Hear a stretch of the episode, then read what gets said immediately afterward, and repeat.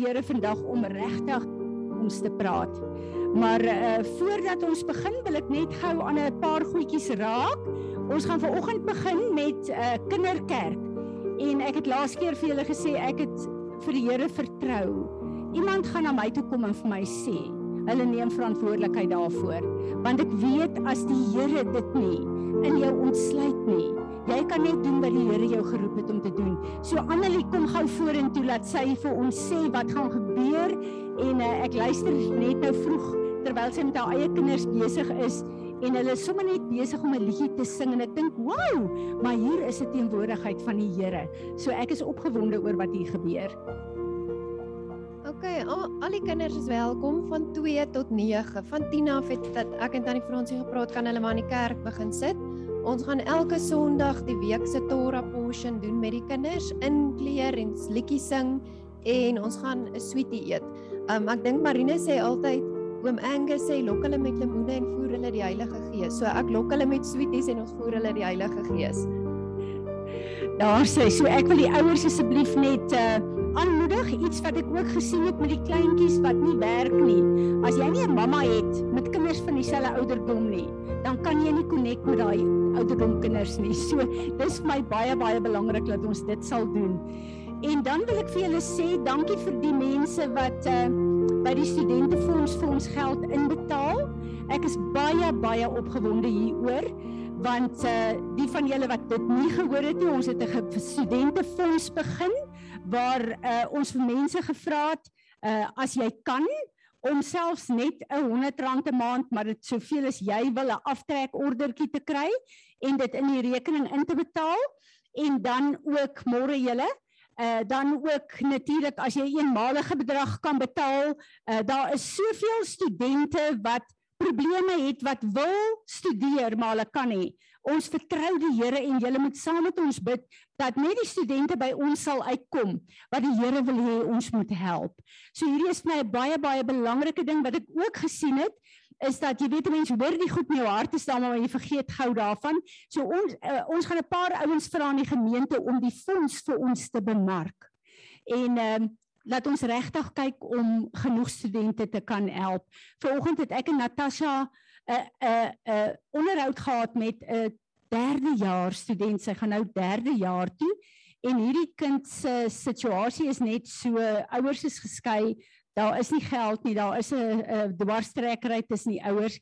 Uh sy het feitelik al haar vakke gekom, maar sy sit met haar hande in haar haar. En uh ons weet die Here wil hê ons moet haar help.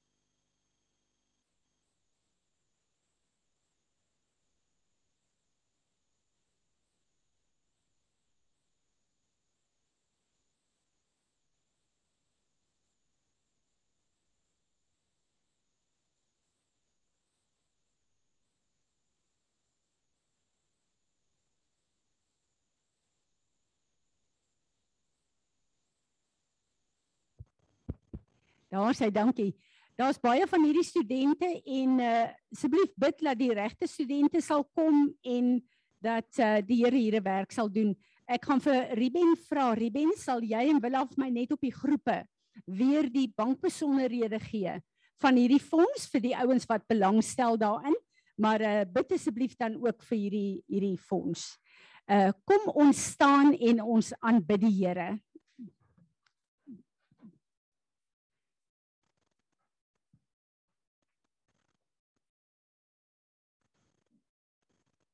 Vader, ons buig in aanbidding, in danksegging, in lofprysing voor U in hierdie oggend. Ons aanbid U as ons Heer en ons Meester. Ons aanbid U as die Skepper God van die hemel en die aarde wat nooit nooit laat vaar die werke van U hande nie. Ons aanbid U as die Alfa, die Omega en alles tussenin. Ons aanbid U as die Skepper God wat alles in die holte van sy hand hou. Vir wie niks onmoontlik is nie. Daar is geen God wat met U vergelyk kan word nie. Ons buig onsself neer in totale nederige afhanklikheid. En ons sê Here, ons wil nie 'n tree gee sonder u teenwoordigheid nie. U is die naam bo elke naam wat vir ons gegee is, Here Jesus. U is die een wat die Vader se droom vervul het en wat die prys betaal het om ons elkeen terug te bring na die hart van ons Vader toe. En daarom kom sê ons u is die koning van alle konings, maar u is die heer en meester van ons lewe en ons harte. En hierdie is u huis, hierdie is u gemeente. Ons wil kom verklaar Here Jesus dat u van ons lewende offers kom maak het. En daarom kom lê ons onsself voor ons Vader neer in hierdie oggend en sê Here, u wil nie ons wil nie. Heilige Heilige Gees van God. Ek bid dat u so vaardig sal word in hierdie oggend dat u elkeen van ons in lyn sal bring met u perfekte wil. U weet waaroor hierdie oggend gaan. U weet van hoeveel jare ons kom met hierdie kwessie. U weet van hoe ons gestoei het, hoe ons u wil gesoek het, u aangesig gesoek het. En daarom vra ek Gees van God, kom salf ons ore. Kom maak ons oë oop. Kom besny ons harte opnuut. Maar Here, ek bid ook in hierdie oggend dat elke stem van godsdiens wil ek gesag oorneem en ek maak julle stil in die naam van Jesus. En ek pleit Gees van God dat U ons sal hou in U perfekte wil en dat dit wat ons ver oggend sê en besluit uit U hart gebore is. Ons wil nou kom met lofprysing nie net uit ons monde uit nie Here, maar gees, siel en liggaam en ons wil u naam kom verheerlik en daarmee wil ons saam met die skepping, die kore in die hemel wil ons inskakel en ons wil kom sing en verklaar u is waardig om hierdie ontbidding aanbidding te ontvang word verheerlik. Amen. Kom ons aanbid hom. Daar sê ek is so opgewonde vir al die kinders dit hoor ek hoor julle gaan 'n wonderlike wonderlike tyd hê saam met tannie Annelie. Wonderlik. Daar sê elke keer as ek hierdie liedjie sing dan voel dit vir my asof dit 'n plek is waar ek opnuut na myself kyk en sê gee ek regtig alles oor. Is dit miskien hoekom soveel dinge in my lewe nie is wat dit moet wees nie, hoekom ek sukkel dit met sukkel ek met tyd? Ek het nie tyd vir dit of nie tyd vir dit nie. Uh hoekom my program dalk so vol is? Uh is dit omdat ek nie regtig surrender nie? Ehm um, ja. Ek wil vir julle sê ek dink vir vanoggend gaan 'n baie konfronterende oggend wees, maar ek glo dit gaan ook 'n oggend wees waar die Here se woord na ons gaan land en uh die Here berei ons hoeveel jare voor en sê dat hy 'n remnant bymekaar maak vir die eindtye. En as ek ver oggend staan waar ek hier staan, dan dink ek met hoeveel oortuiging het ek vir die verskillende groepe gesê het, ons moet weet daar gaan verandering in ons lewe kom. Maar ek het nie regtig besef wat ek sê nie, maar ek het geweet dis die waarheid. So ek dink hierdie is een van daai oggende wat ons gekonfronteer gaan word mee en wat ons sekere besluite moet neem. En dis reg en dis goed. So voordat ek uh wil hê ons moet begin daarmee, wil ek eers al ons ander verrigtinge afhandel dat ons gefokus kan bly en genoeg tyd het vir 'n bespreking ook uh na die tyd. Belinda, jy moet jou gereed hou vir die verbondsmaal. Kom ons bid net eers. Ehm um, Marinus, sal jy net vir my die Zoom groep oopmaak? Dis my baie belangrik dat ons die opdrag van die Here in die gemeente sal ehm um, gehoorsaam. Ons is in die heel eerste eh, plek van gebed. En ons kan baie preke hê, baie woorde hê, baie goed vir mekaar sê, maar die oomblik as ons bid, dan kom God se hand in beweging. Want hy sê in Psalm 105, ek gee my engele opdrag om elke woord wat jy bid wat in my wil is in vervulling te bring. So vir my is ons gebedstyd van kardinale belang. Uh, ek wil vir oggend um, vra Anelis, sal jy asseblief vir ons bid vir Suid-Afrika dan wil ek vra Andrei, ehm um, of jy asseblief vir ons sal uh, bid vir Amerika en uh, laat ek ons uh, mense wat ver oggend op Zoom is, 'n uh, kreer sal jy vir ons bid vir Israel asseblief. En dan wil ek vra Hetien dat jy vir ons bid. Uh, ons het heelwat mense in die gemeente wat uh, siekerig is en dat ons regtig sal bid vir hulle want Ehm um, ek het nou vandag gesien met uh, hierdie week gesien met ons gesinne. As een persoon in 'n huishouding siek is, is daai huishouding te mekaar en daar's soveel laste op die hele gesin. En ek dink dit is ook een van die plekke wat wat uh, uh die vyand baie keer kom om uh, net ons uh, op 'n plek te bring waar ons voel ons is nie stabiel nie. Amen. So kom ons begin. Dankie.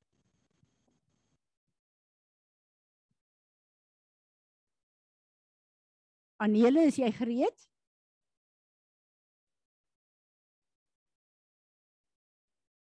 Jy moet net jou mikrofoon se mute afhaal asseblief. As hy. Uh kan julle my hoor? Ons hoor jou.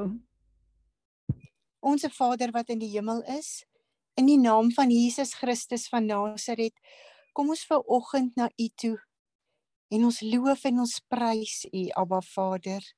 Dankie dat ons U kinders kan wees. Dankie vir U liefde en vir U genade. Abba, ons dra ver oggend of ek dra ver oggend Suid-Afrika aan U op.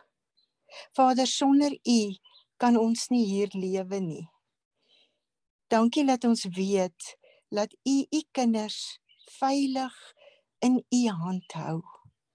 Elke ene van ons reg oor Suid-Afrika.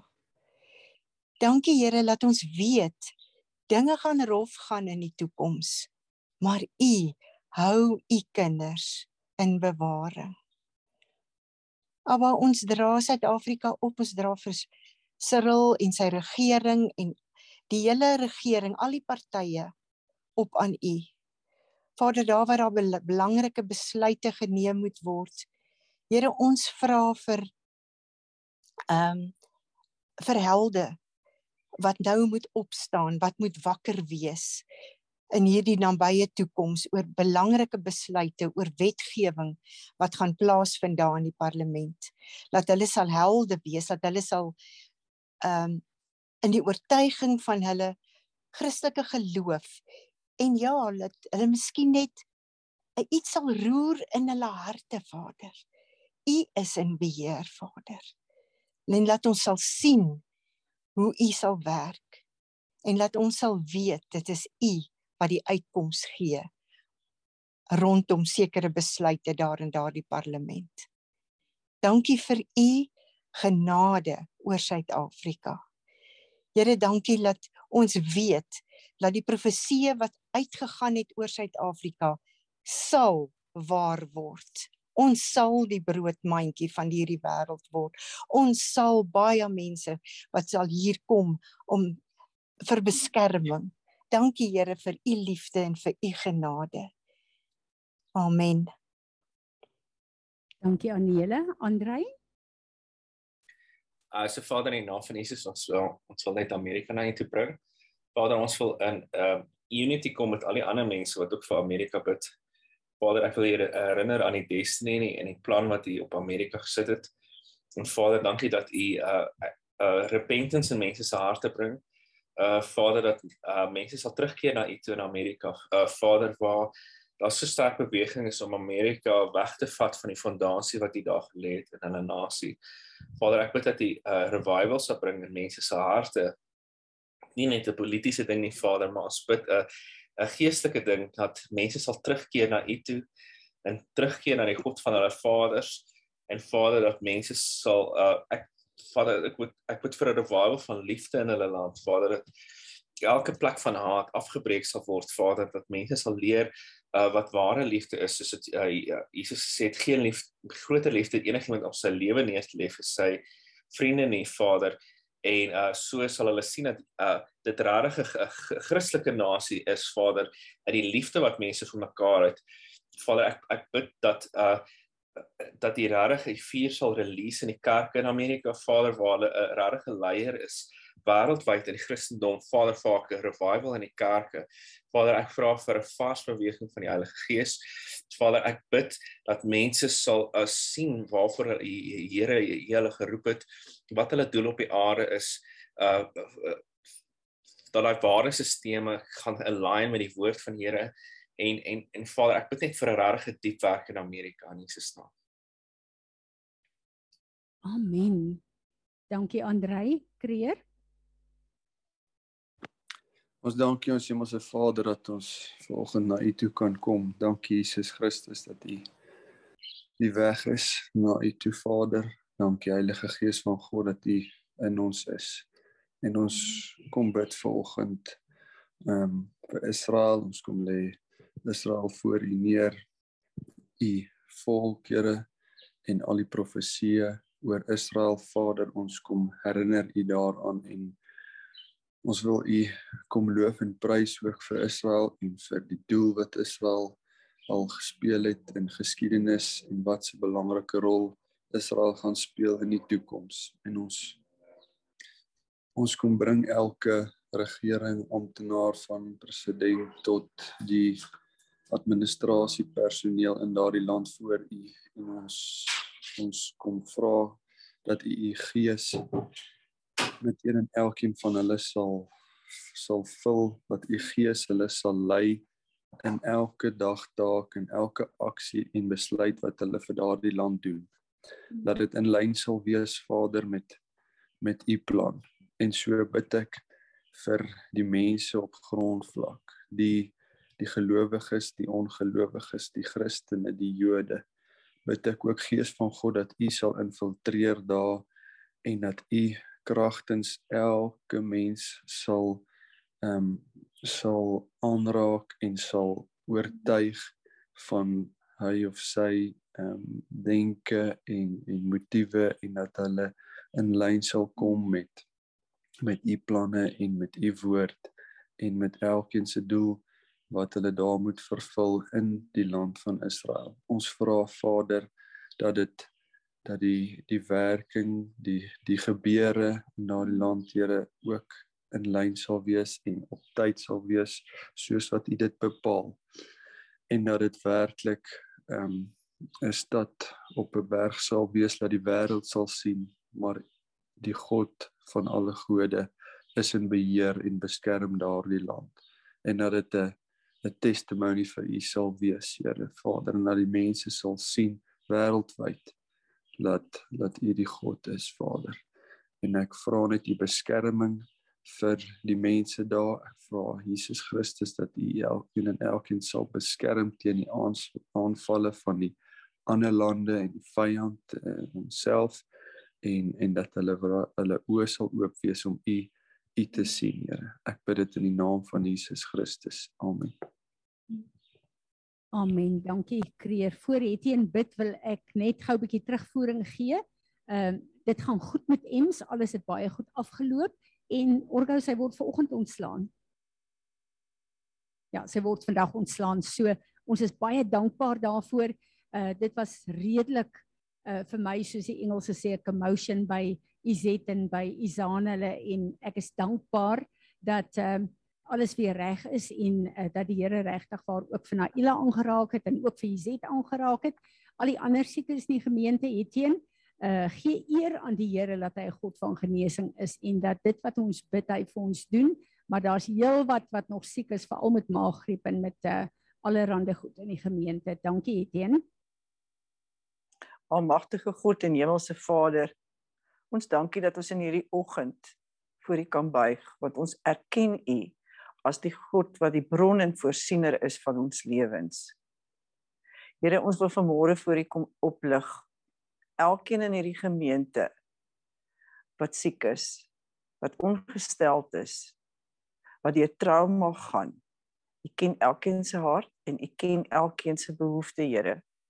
En ek bid in hierdie oggend, Here Jesus, dat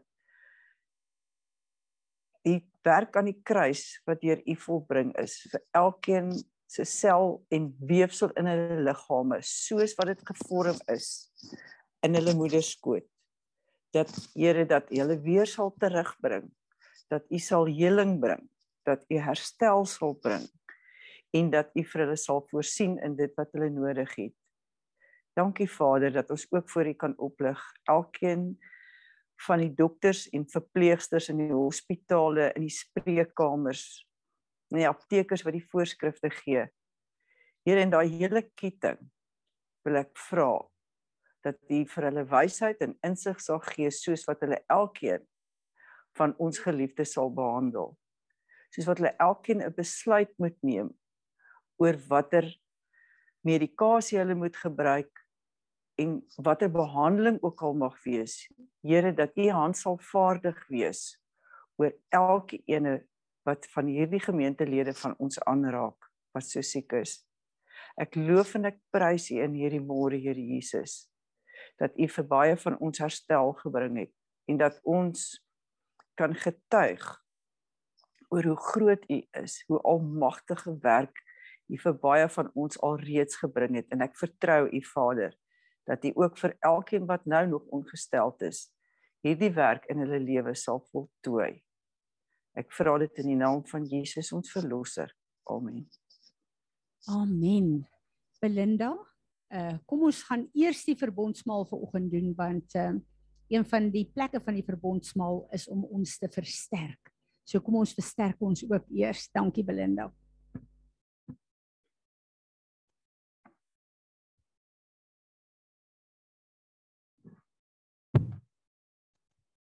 Môre almal. Okay, ek het 'n woord hier. Ek is baie lief vir Psalm 119 al is hy so lank. Dis net 'n awesome Psalm. Ek gaan vir julle lees ehm um, die eerste stuk. How happy and how how excuse how happy are those whose way of, of life is blameless, who live by the Torah of Adonai. How happy are those who observe his instruction, who seek him wholeheartedly. They do nothing wrong but live by his ways. You lay down your precepts for us to observe with care. Julle kan verder self gaan luister. Ek ek ek wil net bid in ehm um, veral in die boodskap wat Fransie bring vandag. Vader, dankie soos wat ons ehm um, die verbondsmaal gaan neem. Here, align ons DNA, ons hele wese Vader met Jesus Christus vir dit wat hy op die aarde kom doen het en vir die pad wat hy geloop het. En dankie Vader dat u u kerk u u uh, u kerk wat eintlik uh, die eklesia is terugherstel volgens ehm um, of soos die eerste testamentiese kerk. Vader, ek loof en ek prys U vir alles wat U doen. Here, daar is niemand soos U nie. Ek wil vra Vader dat die bloed van Jesus Fransie vooruit sal gaan en eh, dat ehm um, die hele gemeente skoon gewas sal word met u bloed skoon gebrand sal word met die vuur van die Heilige Gees. En Vader, dankie vir 'n geopende oor en 'n gewillige hart. Dankie Vader dat U ons harte voorberei. Ek bid en ek vra Vader dat ons U woord sal ontvang soos wat U dit vir ons sal gee vandag. En Here, ek wil net vra dat ehm um, wat ook al ons persepsies wat ook al ons geleer is in die verlede. Here, ons kies om dit eenkant te lê. Ons kies Vader om dit vir U te gee en ons nooi U Heilige Gees om in ons te kom sta, uh, te establish dit wat U daar wil sit.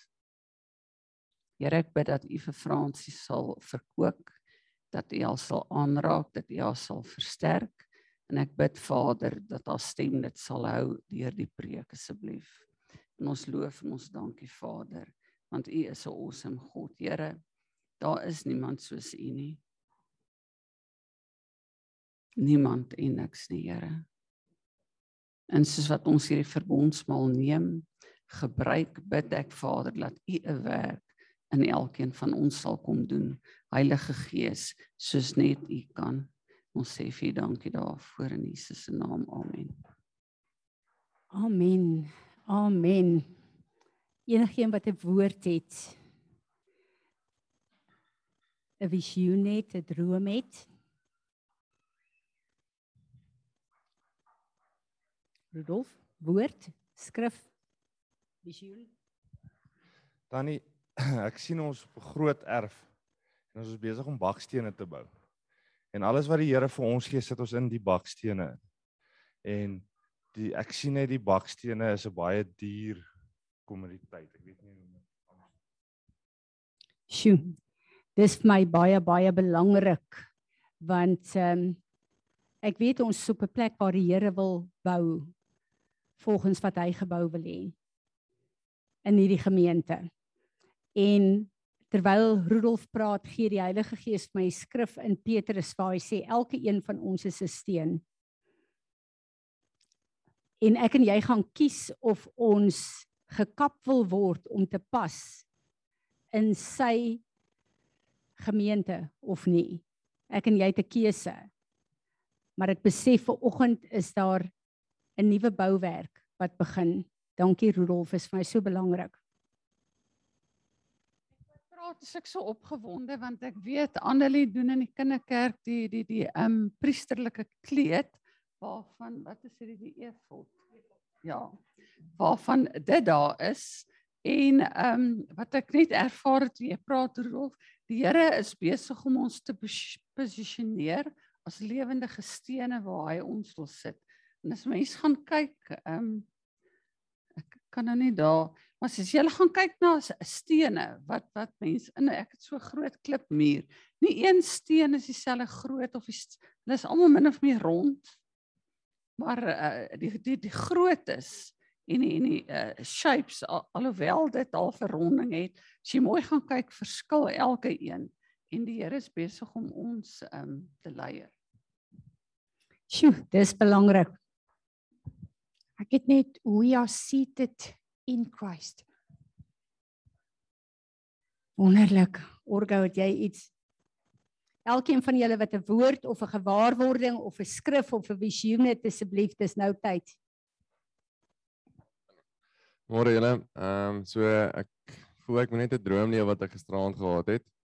Ehm um, die droom wat ek gehad het is nou meer persoonlik op my persoonlike lewe, maar ek dink dit is met toepassing op ons almal. Ehm um, so ek onthou ek het om 'n tafel gesit en daar was klomp gesinne aan die tafel. En soos al wat my opgekom het is die seisoen van steel is verby. En ons gaan nie meer by ons wat die regte pad stap gesteel word of ons gaan dit nie meer toelaat nie. En in die droom het ek net maar baie spesifieke gesigte gesien en mense wat ek ken of mense wat ook in die gemeente is. En ek het net gevoel ek wil ek wil dit deel. Jy sien hoekom wou sê vir oggend hier wees. Wat vir my net so belangrik is wat Orgo nou hier sê, is terwyl ek besig is en ek wil vir julle sê wat ek ver oggend doen is 'n ding wat ek jare meekom en 'n moeilike pad in baie opsigte gewees ook. Maar die Here het vir my gesê as ons sy covenant herstel, herstel ons die families en die gesinne. So dankie Orgo.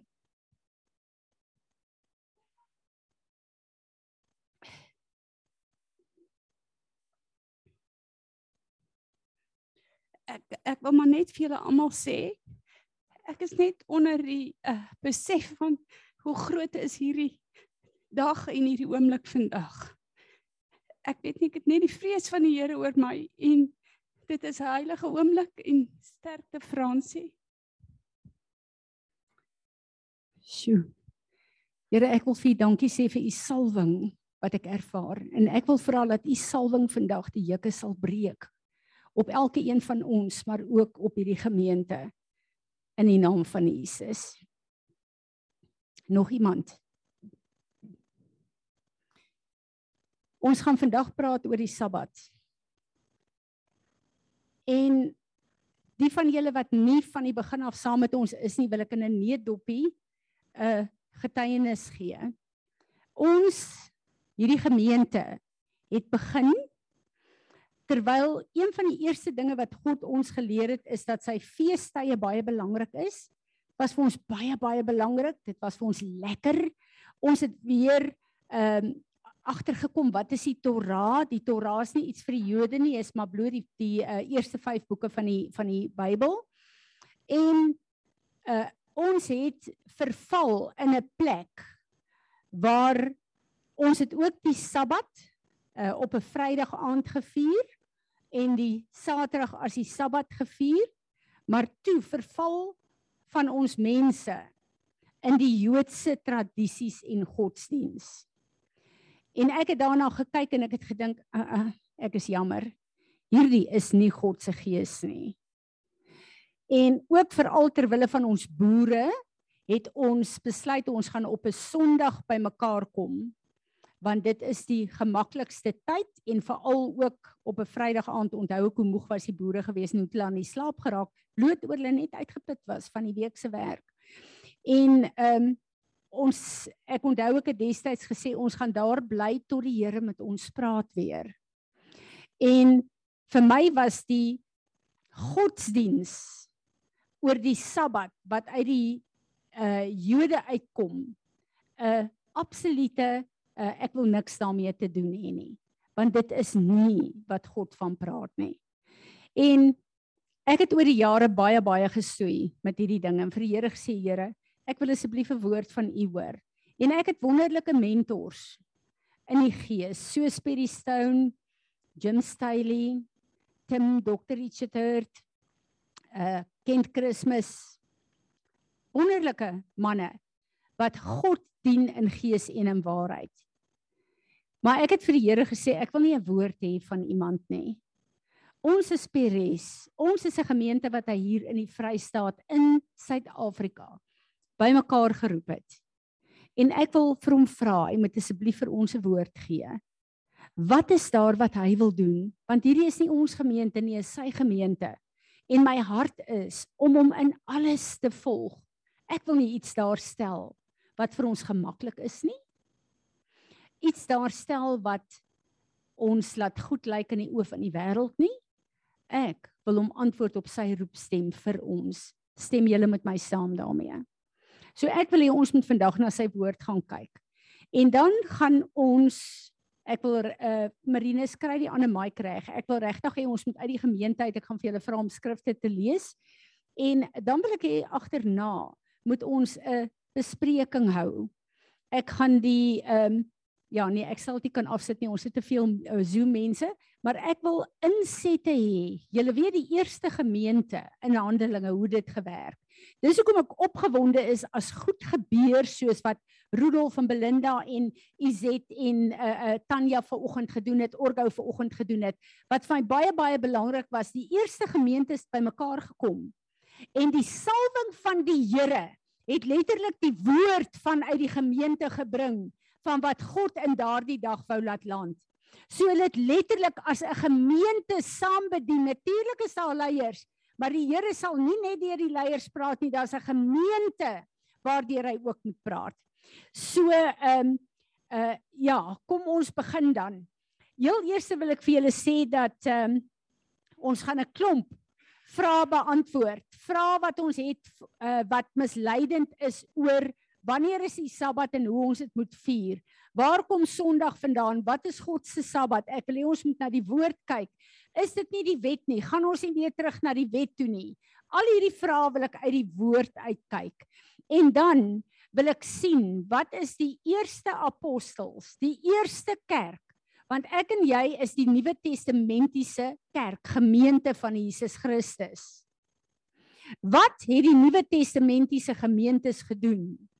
Wat het Paulus hulle gedoen? En dan wat het Jesus gedoen? Want dit is wat ons moet volg. En ek wil graag hê ons moet vandag na al hierdie aspekte kyk. Goed, ons weet dat Genesis 1 vers 14, ons het al baie daaroor gepraat wanneer ons praat oor die feeste, het die Here gekom en gesê hy het tyd daar gestel en ons weet dat toe hy tyd geskep het, is daar spesifiek as jy gaan kyk na die Hebreëse wortelwoord, staan daar dat hy sê appointed times the feasts of God het hy in daai tyd ingesit. Wat vir my so belangrik is, so toe God tyd geskape het. Onthou die woord sê, God sê, tyd hou hy in sy hande. Daai tyd wat hy geskape het, het hy gesê in hierdie tyd wat julle in gaan lewe op aarde, is daar sek sekere tye wat ek 'n afspraak met julle het wat ek wil hê julle moet onderhou. Nou wanneer ons kyk na Pessach, wanneer ons kyk na First Fruit, wanneer ons kyk na Pentekoste, wanneer ons kyk na die fees van Tabernakels, al die feeste van God wat ons weet wat ons moet vier want ons het al gekyk as ons oor die feeste leer. ons gaan dit vier tot in alle ewigheid. Ons gaan nie ophou daarmee nie. Al het sekere feeste in vervulling gekom het soos die kruisiging, ging, ons hou aan om dit te vier. Net so die eerste van die feeste is die Sabbat wat God ingestel het. Ek lees vir julle.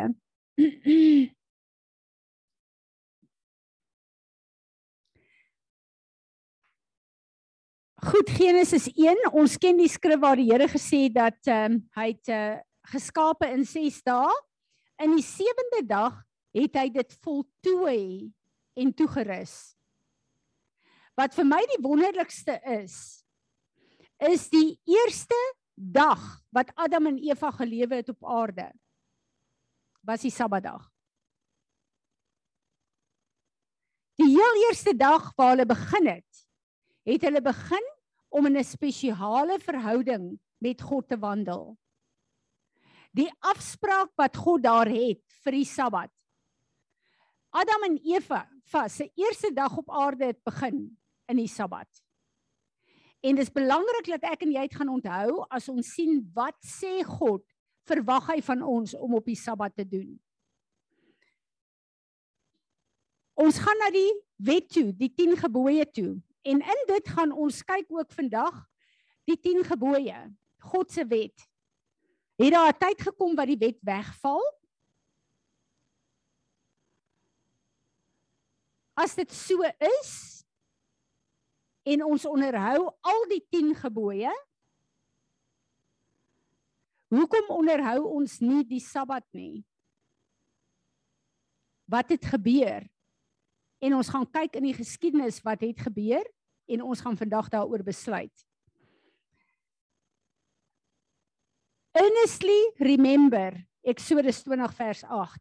The Sabbath day to keep it holy, withdraw from common employment and dedicate it to God. 6 days you shall labor and do all your work, but the seventh day is a Sabbath to the Lord your God.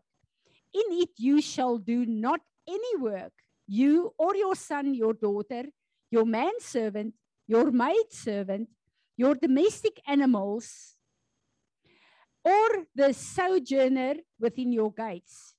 For in six days the Lord made the heavens and the earth, the sea and all that is in them, and rested on the seventh day. That is why the Lord blessed the seventh day and hallowed it set it apart for his purposes.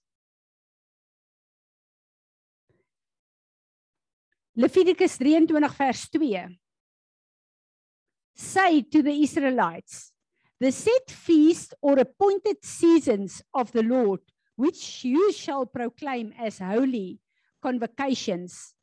Even my set feast are these. Six days shall work be done, but the seventh day is the Sabbath of rest, a holy convocation or assembly by summons.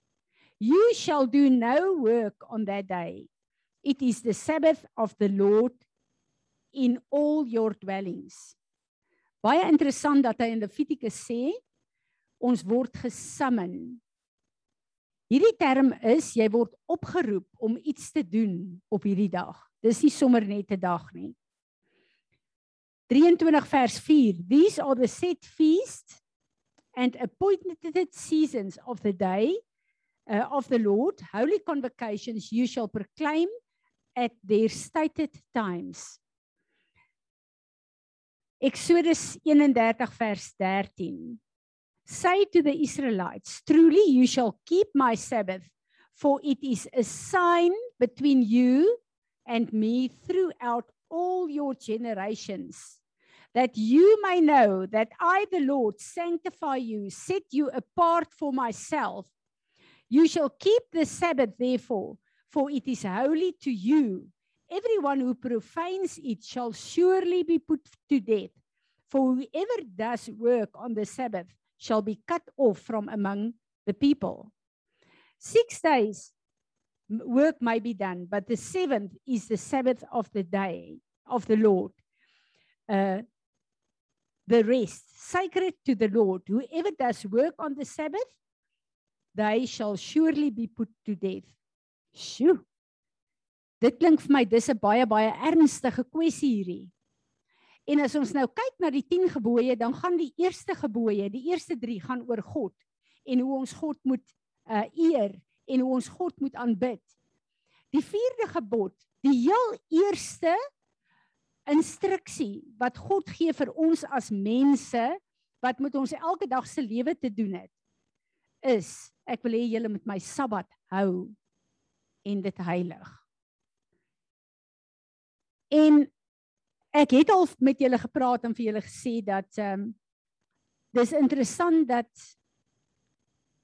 wanneer mense praat van ons is in die Nuwe Testament en hierdie is Ou Testamenties en ons uh hoef nie meer die wette te hou nie.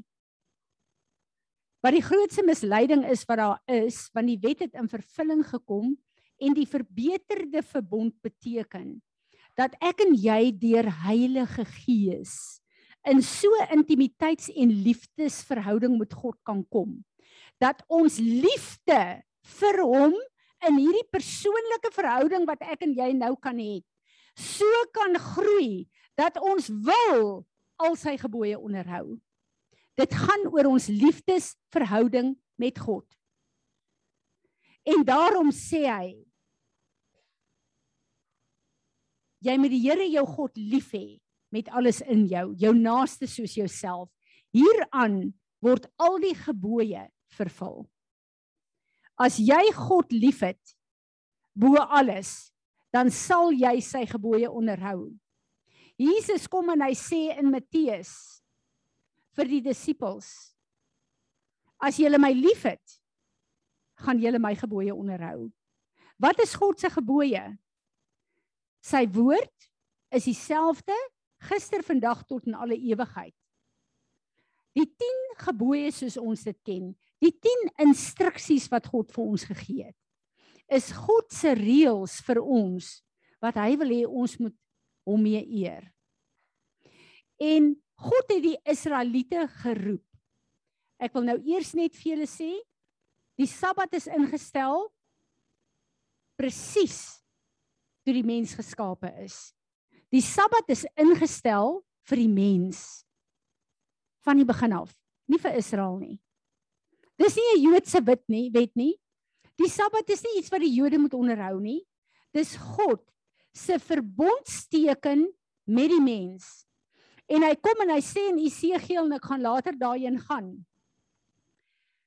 dat die Sabbat onderhouding is 'n teken van my verbond. God het twee duidelike goed vir ons daar gestel wat ons hier op aarde kan verklaar. Ek is in 'n verbond met die lewende God. Want hier's baie magte wat na ons kyk. Fisies en in die gees. En soos wat die Israeliete God gehoorsaam het en God se instruksies van die 10 gebooie gevat het.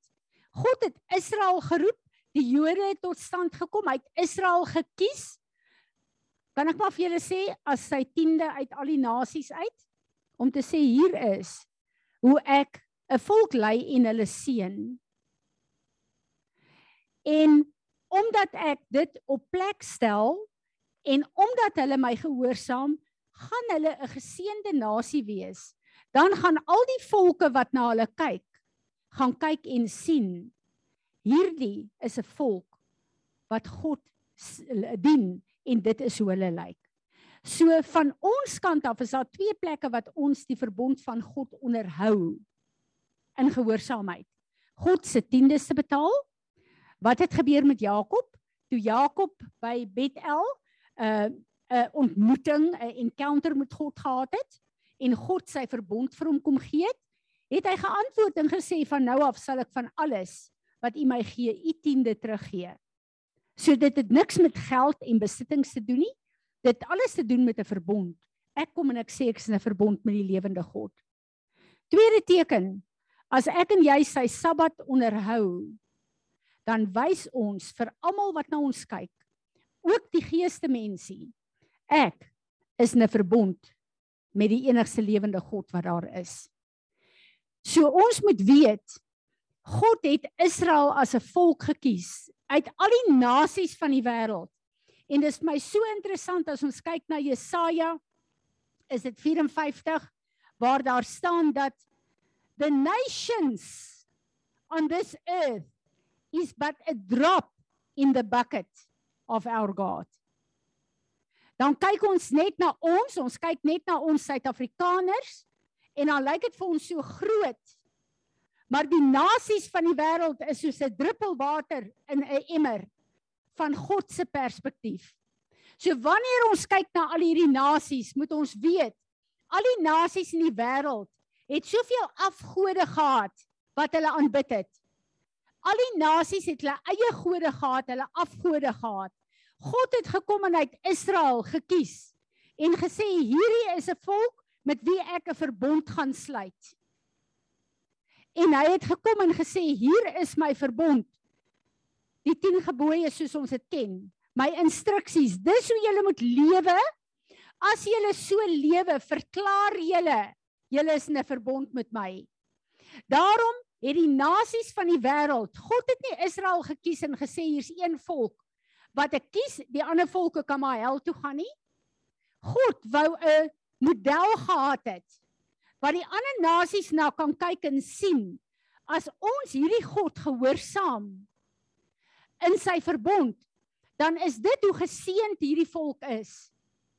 En die nasies moes kyk na Israel en besef as ons God kies en ons begin soos die Jode hierdie God volg, dan gaan hierdie selfde verbond in my lewe kom en in my uh, huis kom.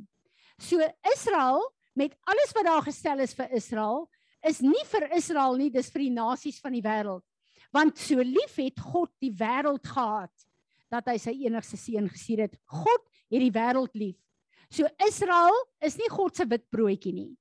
Dis die volk wat hy gekies het om te sê gehoorsaam my instruksies en my woord want ek wil vir 'n wêreld wys hoe ek lyk dat die wêreld kan kyk en sê Jesaja 30 vers vers uh uh julle moet self gaan kyk Jesaja 30.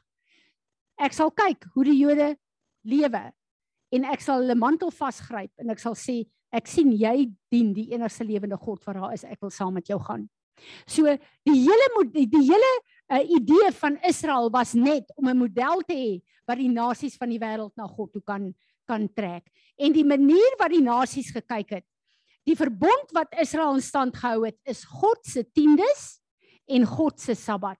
So dit is die twee goed wat ek en jy doen wat die wêreld na kyk en sien ek is 'n verbond met die enigste lewende God wat daar is. Ehm um, as ons praat van die wet en as ons sê die Nuwe Testament het die wette verval. Het egskeiding verval? Kan ons nou maar moord pleeg? Lieg en bedrieg is nie orde van die dag, maar is teen God se se uh uh woord. So ons kan nie sê die Sabbat het verval nie, want die wet van God het nie verval nie. Dit het in vervulling gekom deur die liefde en die offer van Jesus op die kruis van Golgotha. Kom ons kyk 'n bietjie na die Nuwe Testament. Na die eerste kerk in Handelinge. Goed. Ons preek altyd en ons sê dat Petrus en Paulus in die eerste kerk is my en jou rolmodel. Paulus het kom sê vir die gemeentes in Korintiërs: "Volg my soos ek Jesus volg. Die eerste kerk, die eerste apostels het Jesus gevolg in alles wat hy gedoen het. Handelinge 20 vers 7. On the first day of the week, hierdie is die Sabbat, when we were assembled together to break bread, the Lord's Supper, Paul Paul discoursed with them intending to leave the next morning and he kept on with his message until midnight. Paulus uh, Paulus. Uh, Handelinge 13 vers 13. Now Paul and his companions sailed from Paphos and came to Perga in Pamphylia and John Mark separated himself and went back from um, them to Jerusalem, but they themselves came from Perga and arrived at Antioch in Pisidia. And on the Sabbath day, they went into the syn- synagogue and sat down. Die eerste kerk, die eerste disippels het die Sabbat gevier. Handelinge 17 vers 1. Now after Paul and Silas has passed through Amph- Amphipolis, hoe die name. Uh, and Apollonia. They came to Thessalonica where they where there was a synagogue of the Jews. And Paul entered as he usually did, soos hy gewoonlik gedoen het. And for 3 Sabbath he reasoned and argued with them from the scriptures. Hoekom was daar sinagoges wat die Jode daar gestel het? Omdat die Jode van daai tyd een van die min volke was wat God se gebooie onderhou het. En daarom het hulle op 'n Sabbatdag bymekaar gekom en daarom het Paulus en die eerste apostel stils in die sinagoges gepraat. Want dit was deel van die eerste kerk.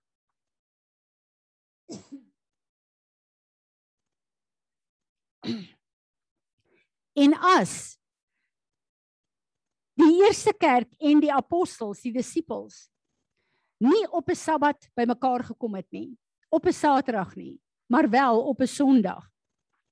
Dink julle nie die Here sou vir ons geleer het en gesê het dis wat ek wil hê julle moet doen nie. Ek wil hê julle moet dit verander. Ek wil hê ons moet kyk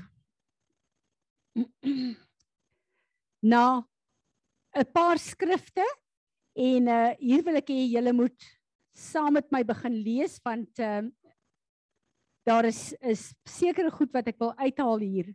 Uh veral die skrifte in die Nuwe Testament wat mense wil gebruik en sê die Sabbat en heilige dae moenie meer onderhou word nie. Ek wil hê ons moet daarna kyk en dan moet ons sien wat die skrif regtig sê en die skrif in konteks lees want soos in Galasiërs 4 waar Paulus vir die kerk in Galasiërs kom en sê uh moenie die heilige dae en die sabbate en hierdie goed onderhou nie.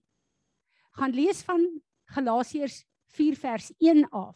Hy praat met die pagans, met die afgodery mense wat ingekom het in die nuwe kerk van Jesus Christus. En hulle het weer hulle feesdae en hulle sabbate en hulle goed begin onderhou en dit ingetrek. En as jy uh, Galasiërs 4 die hele ene lees, sien jy dit baie baie duidelik. En hy het gepraat, hierdie feesdae kan jy nie langer onderhou nie. So jy mag nie julle onheilige sabbat en onheilige feeste nou in die kerk inkom nie. Daai goed het verval, julle sla daarmee. Net soos daar plekke is waar uh, die Jode gekom het en gesê het uh, dis hoekom Jesus gekom het op die plek waar die uh, Fariseërs hom aangekla het en gesê het, maar uh, hoekom pluk jy uh koringare op die Sabbat? Dit word nie toegelaat nie. Toe kom Jesus en hy spreek hulle aan en sê ek is die Heer van die Sabbat. Hoekom het Jesus die die die uh koring gepluk? Terwyl hy ons gaan net nou kyk na die skrifte, die Sabbat onderhou en geheilig het. Jesus het die Joodse wette en die tradisies van hulle voorvaders deur die Jode verwerp. En dit is die ding wat my dwars in die krop gesteek het. Daai wette en reëls en godsdiensrituele wat hulle wil inbring op 'n Sabbat waar Jesus God het gekom en gesê, ek het nie die mens geskape vir die Sabbat nie. God het ons nie nodig om hom te aanbid om te wys hy's God nie. Hy is God. Hy sê, ek het die Sabbat vir die mens gemaak. Om 'n dag daar te plaas wat ek en jy volgens sy woord moet rus van al ons werk. Hoekom het hy dit gesê? Nie om reëls en regulasies daar te sit nie, maar ons om ons te red van onsself en 'n besige wêreld. Hy kom en hy sê, ek het die Sabbat vir die mens gemaak. Nou weet julle, ek het vanoggend 'n gesprek met iemand gehad wat gesê het hy het nie tyd nie. Hoekom het ons nie tyd nie? Omdat ons nie 'n dag 'n week God gehoorsaam op sy kom van al ons elke dag se rondhardloop nie. Tyd deurbring. Ek het hierdie week gesit met huwelike. Die mans en vrouens het nie tyd vir mekaar nie. Die vrouens sê my man is so besig. Hy praat maar hy kyk my nie eens meer in die oë nie. Saterdag, Sondag, elke dag van die week. Daar's nie tyd om by ons uit te kom nie. Hoekom nie? Omdat ons nie die een dag 'n week wat God daar stel en sê ek het dit vir julle vir die mens gegee. Hierdie is die plek waar mans hulle vrouens moet seën. Vrouens hulle mans moet seën. Kinders mekaar moet seën. Waar jy 'n feesmaal het, jou belangrikste ete in die in die week, en kom en sê hierdie is 'n dag wat ons met danksegging en lofprysing kan sê Here, hierdie week het ons gemaak omdat U ons God is. Ons kom eer U, ons kom celebrate om aan tafel te sit. Ek en Johan het dit vir jare gedoen tot hierdie godsdiens ingekom het en ek so 'n 'n o gekry het vir hierdie godsdiens dat ons alles gelos het en ek besef ek ek begeer dit terug waar ons op 'n Vrydag aand kan sit, lekker tafel gedek, mekaar die oë kan kyk, selfone afsit.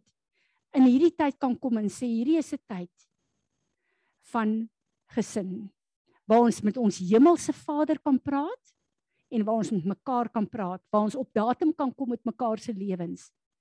Hoeveel van julle sit hier dat jou man en jou vrou is nie op datum presies waar jy in jou lewe is nie en goed wat gebeur in jou lewe nie, want daar's nie tyd om regtig hierdie goed in detail te bespreek nie. Ek het al baie keer gesê, gaan na die webwerf haar toe. Dis 'n mediese webwerf, dit niks te doen met die kerk nie. Dis niks geestelik nie. Hulle het 'n wonderlike ding ontdek. Elke sewende dag verlaag 'n mens se hartklop vir 24 uur. Is dit nie interessant nie? Het hulle nie maar net ontdek wat God in elk geval in ons geplaas het nie? Ek het soveel skrifte en ek gaan dat ons net nou daarna kyk, maar ek wil net 'n bietjie uit my hart uit praat. As jy kyk na die Joodse wette oor die Sabbat, is dit genoeg as jy net begin lees dan word jy moeg en lam. Dis verskriklik. Daar's soveel wette en reëls en regulasies. Dis hoekom Jesus vir die Fariseërs gesê het julle is 'n ander geslag. Hulle het al hierdie jukke op die mense gesit om alles vir hulle moeilik te maak, maar hulle self het dit nie eens nagekom nie. God het nie reëls en regulasies daar gesit vir die uh, Sabbat dat jy 'n klomp goed moet nakom nie. Daar's sekere goed wat jy moet weet wat die Sabbat beteken. En dan as jy daarmee align, is dit die grootste seën wat God in jou daaglikse week kom plaas het. En God wil hê ons moet teruggaan daarna toe. Ons mediese dokters kan julle maar mee praat. Die grootste probleem waarmee hulle sit is mense op antidepressante, oor hulle uitgebrand is, oor hulle oorwerk is, hulle kan nie druk van die lewe vat nie, hulle kan hulle kan net nie aangaan nie. En ek wonder of die groot oorsaak nie is omdat hulle nie God se reël van die Sabbat op plek het in hulle lewe nie. Kom ons kyk 'n bietjie waar het hierdie goed gebeur. Marinus, nou moet jy kom daar. Die 7de Maart in 321 het Konstantin 'n aankondiging gemaak. Nou hy het jy dit Marinus? En ek wil hê julle moet bietjie gaan kyk op die die internet hieroor. Daar was nooit nooit 'n kwessie oor die Sabbat nie oor Saterdag en Sondag nie. Daar was nooit 'n kwessie nie. Die Sabbat was Saterdag gewees.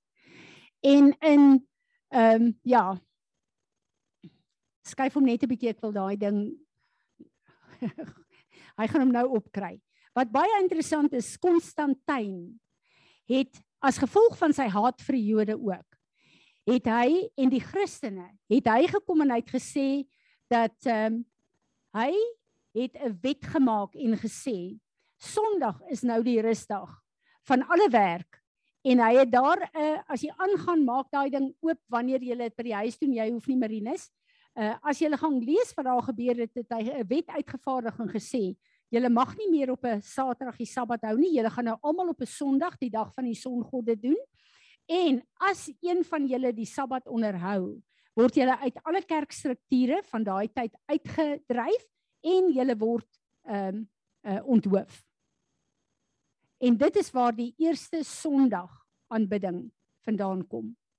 Toe in die eerste uh eeu, jy kan dit opsit Marinus, het die Rooms-Katolieke Kerk gekom. En die Rooms-Katolieke Kerk, die paus van die Rooms-Katolieke Kerk het besluit om ehm um, ja. Hulle het besluit om Saterdag te verander na Sondag en hulle het gekom met die wonderlike geestelike openbaring van Jesus het op die Sondag opgestaan na hy gekruisig is. Nou ek en jy weet, hy het op die Sondag opgestaan as 'n first fruit. En die first fruit day het die Here in sy woord waar die feeste ingestel is gesê this will be a high sabbath.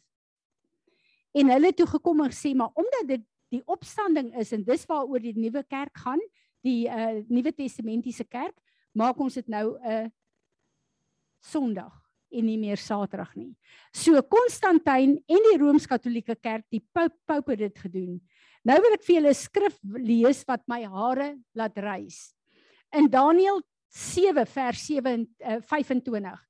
En ek wil hê julle moet hierdie skrif gaan bestudeer en saam met dit ook op Openbaring 13 vers 1 tot 6. Hier word hier praat Dawid uh, Daniël profeties van die anti-kris.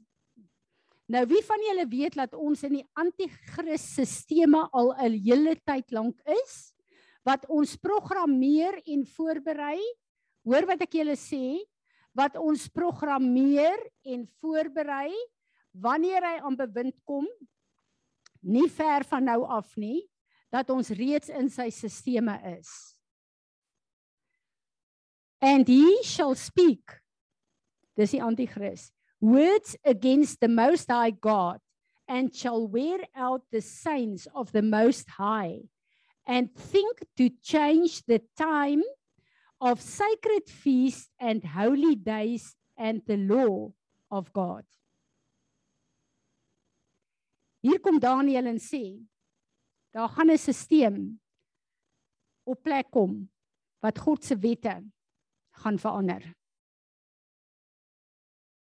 Die wet van God van die 10 gebooie van die Sabbat is verander van Saterdag na Sondag. Besef julle dit? En Daniël het dit in sy tyd reeds voorspel.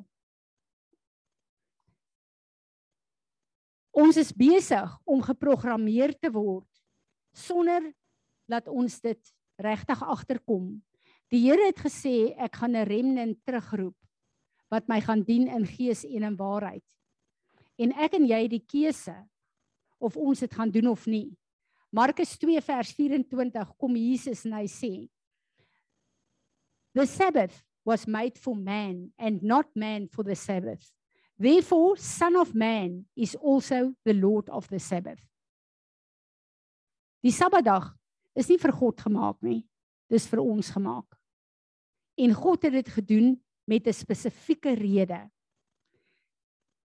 Het Jesus die Sabbatdag onderhou Lukas 4 vers 16. So he came to Nazareth where he had been brought up and as his custom was and as his Jesus custom was he went into the synagogue on the Sabbath day and stood up and read. Jesus het op 'n Saterdag, op die Sabbatdag, het hy gereeld in die sinagoges gepreek toe hy hier op aarde was. Hierdie skrifte het ek vir ons daar gestel dat um, ons 'n bietjie kan kyk Oud en Nuwe Testament waaroor die Sabbat gaan. Ons gaan net nou kyk wat die woord sê, hoe moet ons dit onderhou dat ons nie in rituele en in Joodse godsdiens verval nie. Die Sabbat is geplaas daar vir my en jou ons het dokters in ons gemeente, ons het boere in ons gemeente wat melk, wat daar's 'n hele klomp goed wat vir my sê wat nou van die Sabbat. Ek werk op die Sabbat. Maak um, die noodgevalle toe in een van die groot hospitale met geen personeel aan diens nie. Geen lewens kan dan gered word nie. Dis nie God se wil nie. So wat ek vir julle wil sê terwyl ons hierna kyk dat hierdie kwessie is nie 'n saligheidskwessie nie. Hoor julle wat ek sê?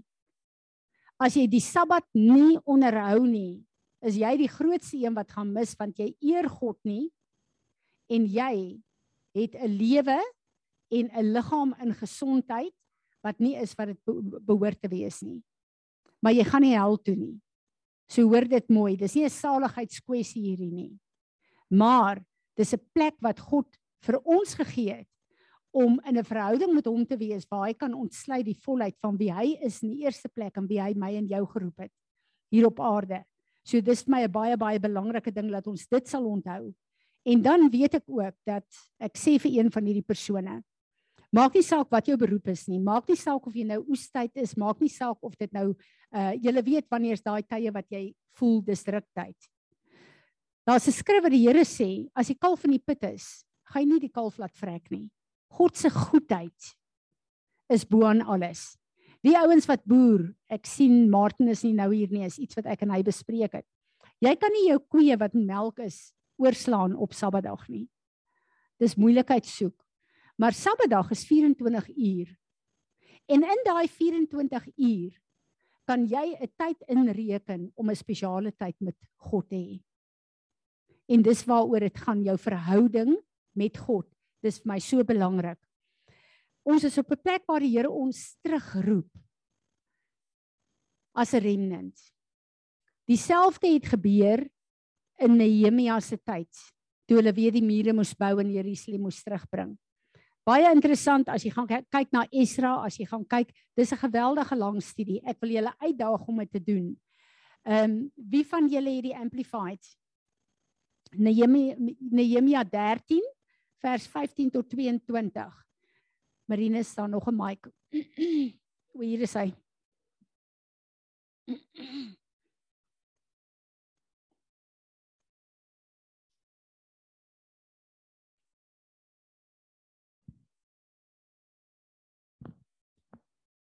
Enige een wat dit eerste het, Nehemia 13 vers 15 tot 22.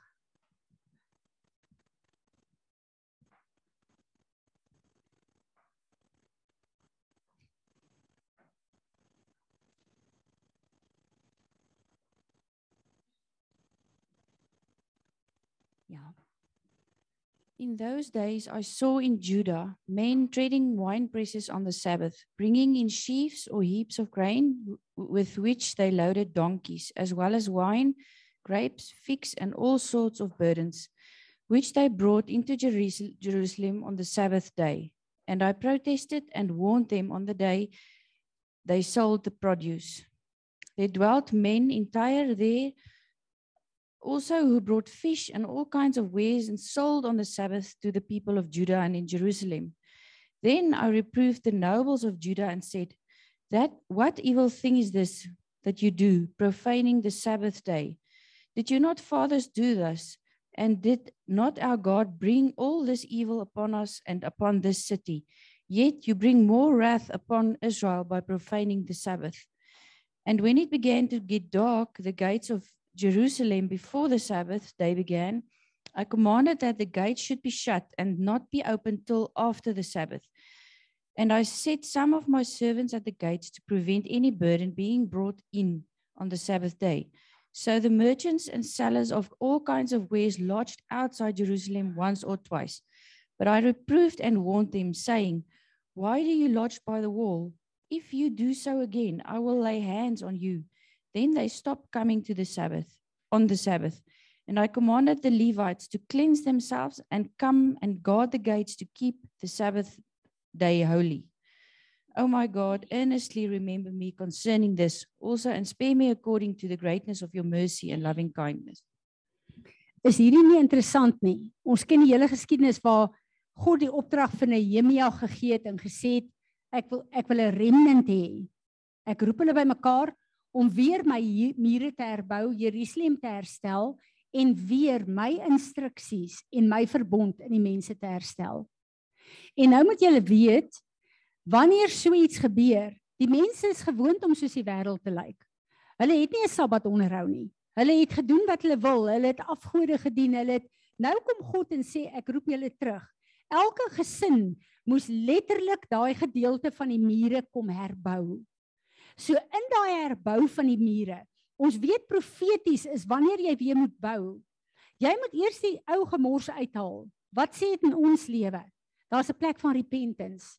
Daar's 'n plek waar ons met God moet regmaak en dan begin ons weer te bou. Hierdie visioene wat ver oggend ingekom het. Daar's 'n plek waar God vir ons sê, ek wil hê julle moet skoonmaak, ek wil 'n nuwe werk bou. Selfs daar is in in Nehemia. Maar wat het daar gebeur? Die mense het ja gesê, maar hulle is so gewoond aan hulle sonde en verkeerde goed dat hulle die Sabbat wat God sê wat my verbondsteken met julle is, 'n teken van die verbond is, hulle het dit nie onderhou nie. En Nehemia het gekom en gesê maak sluit die hekke. Niemand sal inkom om handel te dryf nie. En hy het letterlik goed op plek gesit om die volk te uh, forceer om terug te keer na God toe. Ons praat van 'n sign of covenant. Kom ons kyk na es, uh, Esegiel 20 van vers 11 tot 13. Wie het dit vir my?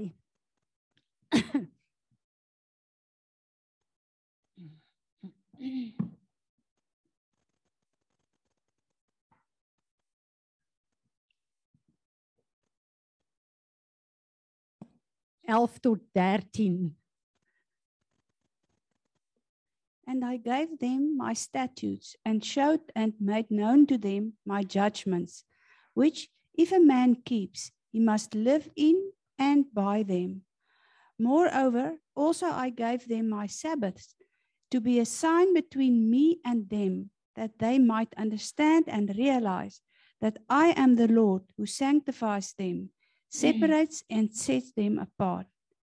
But the house of Israel rebelled against me in the wilderness. They walked not in my statutes, and they despised and cast away my judgments, which if a man keeps, he must even live in and by them.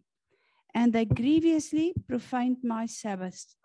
Then I thought I would pour out my wrath on them in the wilderness and uproot and consume them but I acted for my name's sake, that it should not be profaned before the heathen nations, in whose sight I brought them out. Yet also I lifted up my hand to swear to them in the wilderness that I would not bring them into the land which I had given them, flowing with milk and honey, which is the ornament and glory of all lands, because they despised and rejected my ordinances and walked not in my statutes and profaned my Sabbaths, for their hearts went after their idols. Hierdie is vir my 'n baie baie interessante skrif want ehm um, ja. As jy kyk deur die Ou Testament, elke keer wat die die volk weggevoer was, elke keer wat die volk gestraf was, het dit gegaan oor God se wette wat gebreek is en sy Sabbatdag wat ontheilig is. En as ek hierna kyk en ek besef hoe sleg hier dit met Israel gegaan en hoe die geskiedenis van Israel was tot Jesus Christus ons Here meester gekom het wat ek en jy die voorreg het om in hierdie tyd te lewe. Maar dan wil ek die vraag vra vir ons en ons gaan net nou daaroor praat is daar nie dalk sekere goed in ons lewe wat nie in orde is nie omdat ons God nie eer in die verbonds reëls wat hy vir ons daar geplaas het nie. Is dit nie een van die groot oorsake nie? God is besig om ons terug te roep. En wat ek gaan doen want ek besef die tyd gaan uithardloop ek wil hê ons moet saam praat 'n bietjie. So julle met julle vrae en goed regkry, julle skrifte regkry. Ek gaan vir ons 'n oorsig gee van al die skrifte. Want al die goed wat ek sê, het woord om dit mee te te ondersteun. En ehm um, die spesifieke goed wat ons dan nou vra is wat doen ons op 'n Sabbat? Wat vra die Here vir ons om te doen op die Sabbat? En dan kyk ons duidelik in sy woord, ons mag nie werk nie. Hoekom mag ons nie werk nie? Dis nie 'n reël om ons lewe te beheer nie. God wat ons geskape het, weet ons kan nie 7 dae week, 24 ure dag werk nie. Ons liggame is nie geskape daarvoor nie. Dis hoekom ons siek raak. Dis hoekom baie mense vroeg sterf. Dis hoekom ouens deur stres, hartaanvalle en wat noem dit ook maar kry. God het ons geskape. Hy weet hoe hierdie liggaam funksioneer. En hy wil hê ons moet een dag 'n week moet ons hom eer en ons moet rus. Dan 'n belangrike ding daar, hulle het bymekaar gekom op die Sabbatdag om die woord te ondersoek. En ons gaan net nou daaroor praat want op hierdie stadium is dit vir my nog bietjie 'n kopseer. En dan om hom te eer en om nie handel te dryf nie. So dames, die wat gedink het dis 'n heerlike ekstra dag, ons kan gaan shopping doen. Ons mag nie handel dryf op hierdie dag nie. En dan het hulle hom 1 Korintiërs 16 vers 2 let each one of him personally put aside something and save it up, up as he has prospered in proportion with what he is given so that no collection will be needed uh, uh take taken after I come. Dis wat Paulus hier sê. Jy kom en dis hoekom die Here sê in Psalm 100 vers 1 uh prys um uh, enter his gates. Kom in in die dag hier with thanksgiving met danksegging. Thanksgiving. Jy bring 'n offering en sê Here, U was vir my so goed. Ek kom en ek kom eer U met 'n offering om offerings vir hom te bring. En dan die groot groot ding met die Sabbat is 'n tyd van families. Daai droom wat Orgou gehad het. Dis 'n tyd waar ons as families met God moet bind, met mekaar moet bind. En ek en jy moet ernstig 'n besluit neem. Gaan ons terugkeer na God se instruksies toe of gaan ons bly lewe in wat ons dink wat reg is? Ek gaan al die skrifte vir julle gee want daar is soveel skrifte. My oë het so oop gegaan. En dan is daar 'n 'n belangrike 'n skrif ek wat iemand is wat ehm um, absoluut uh, weet dat God ons roep in die Nuwe Testament om te vas. Jesus sê nie as ons vas nie, hy sê wanneer ons vas en uh vir jare was uh Jesaja 58 net gou daar kom vir ons vir my regtig waar 'n aanklag en 'n probleem gewees. En die Here kom en hy sê dat ehm uh, wanneer jy vas, uh ons moet maar oppas dat ons dit doen om godsdienstig te lyk. Dit gaan hier oor ons verhouding met die Here en dit gaan hier oor uh, om te herstel met God. En uh vers 11 wil ek vir jou sê and the Lord shall guide you continually and satisfy you in drought and in dry places and make strong your bones. You shall be like a watered garden and like a spring of water whose waters never fail. Wie van julle kom tyd vir tot tyd en sê my verhouding met die Here is droog? My lewe voel droog, Herren. Ek dink die hoofoorsaak is omdat ons God nie eer op die dag wat hy seën en dit heilig en sê op hierdie dag plaas ek 'n salwing vir julle as julle tot my nader is julle in my teenwoordigheid Ek seën en ek salf hierdie dag vir ons om in daar uh, om na hom toe te gaan. And your ancient ruins shall be rebuilt. You shall raise up the foundations of buildings that have been laid waste for many generations. And you shall be called repairer of the breach, restorer of the streets to dwell in.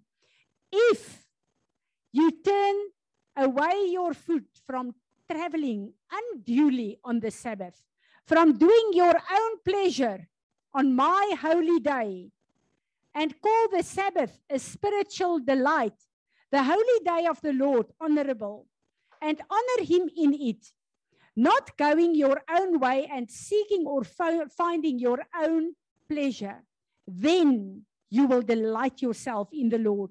And I will make you to ride on high places of the earth and I will feed you with the heritage promised for you of Jacob your father.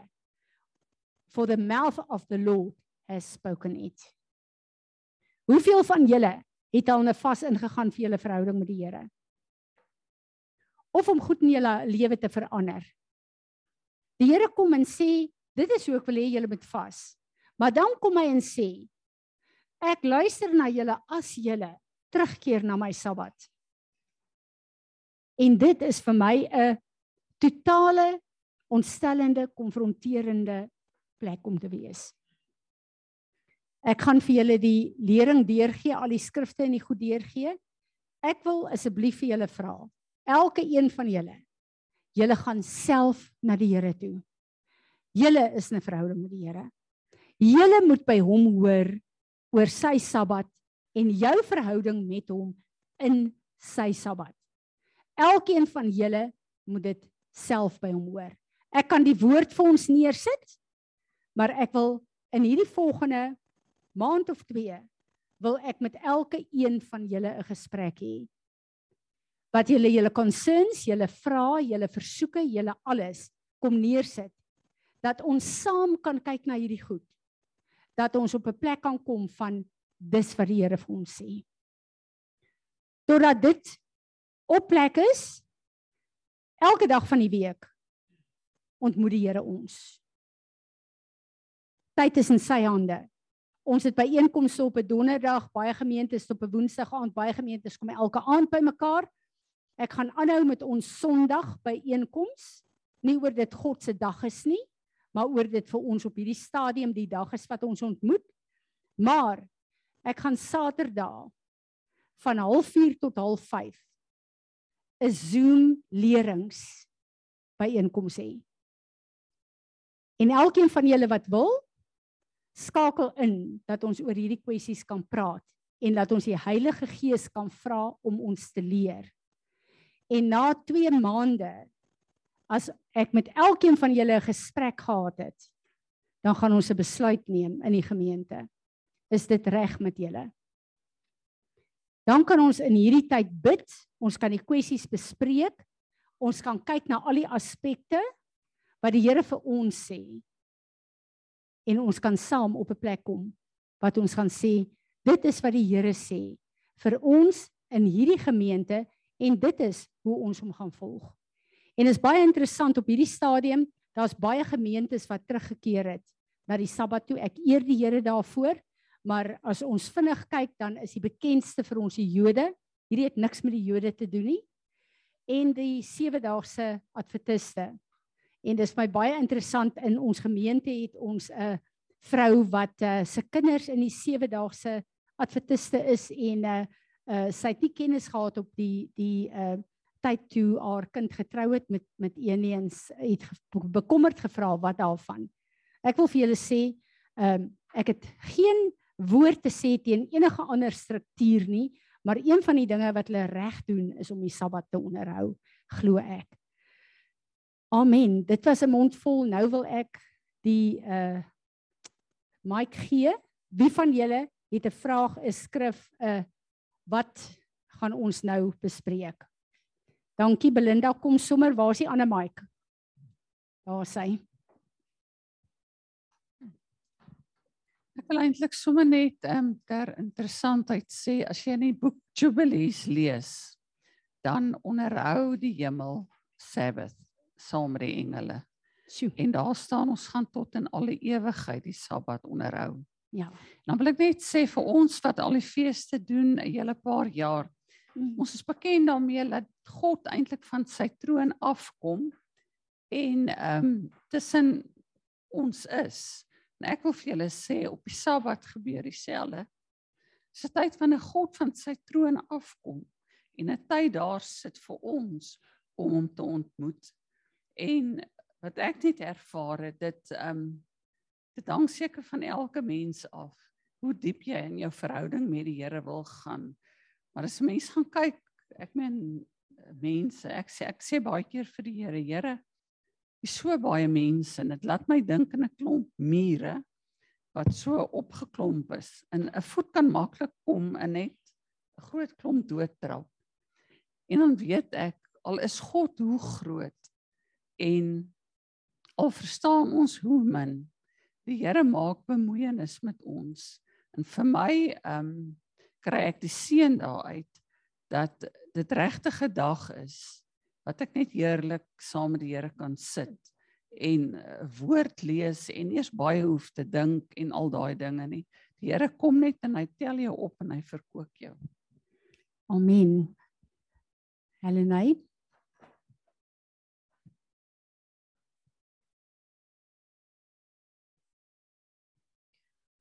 Vir my as 'n ou ek hou van feite.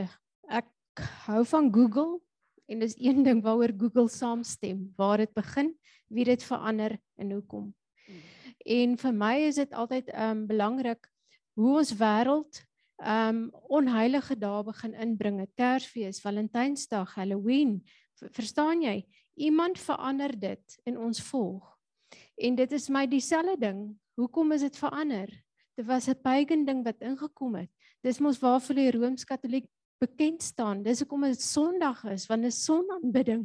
So hierdie goed maak vir my sin en altyd deur die jare dan het ek dit geweet. Ek het dit 15 jaar terug al geweet, maar dit dis daai ding van die Here ken mos my hart. Die Here ken my hart. Dis nie so erg nie. En hy daai versie van ehm um, enigiets wat jy weet jy moet doen en jy doen dit nie. Dis sonde. Dit het my oortuig want ek het al die jare geweet dis reg.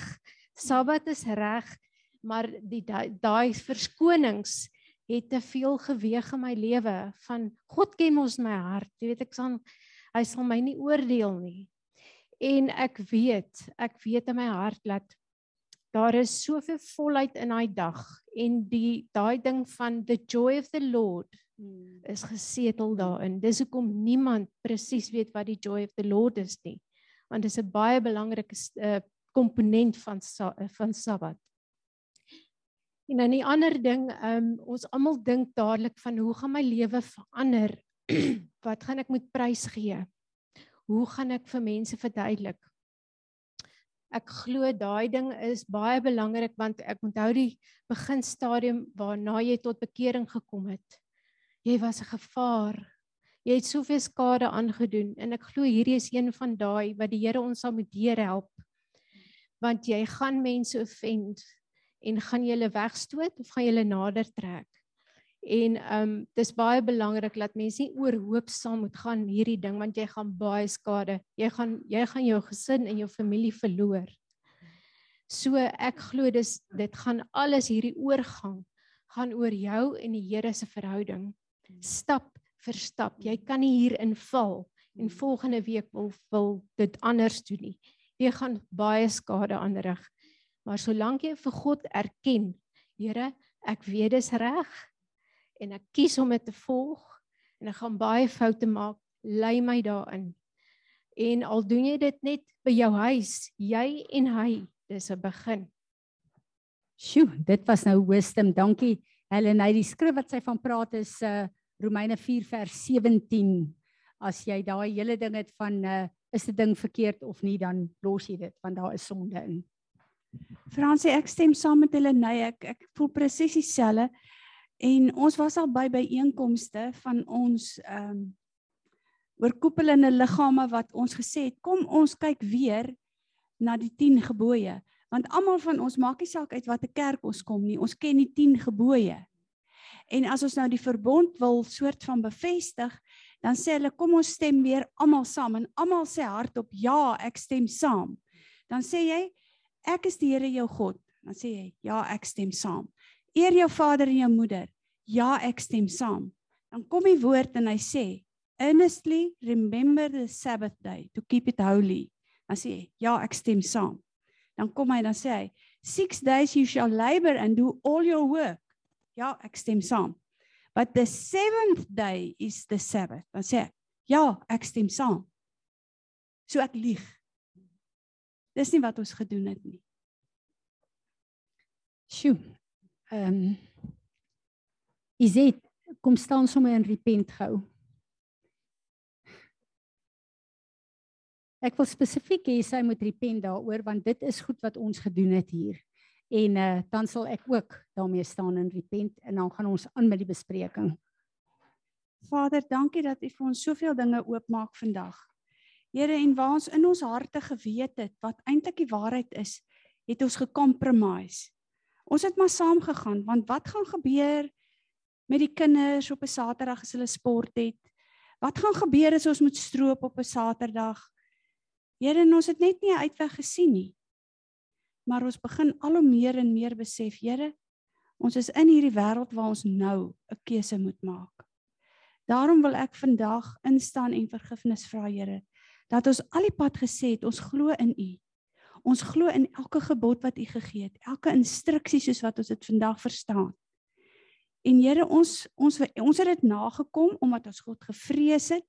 Ons het geglo ons doen die regte ding want almal het vir ons geleer, dis die 10 gebooie en en dit is wat ons elke Sondag gehoor het in die kerk, elke Sondag bely het.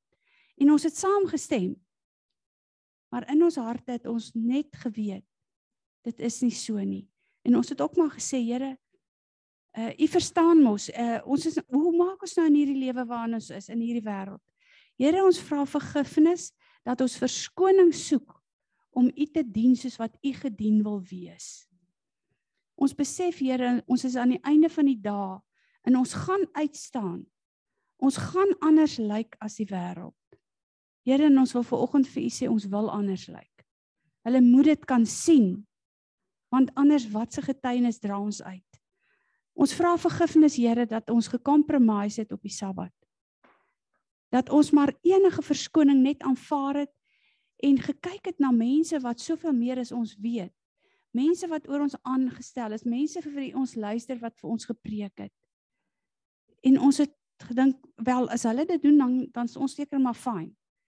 Maar Here, ons vra vergifnis dat ons nie na u woord geluister het nie. Want dis net u woord wat ons kan oortuig van die waarheid. En hierdie waarheid sal ons vrymaak. Baie dankie daarvoor. Amen.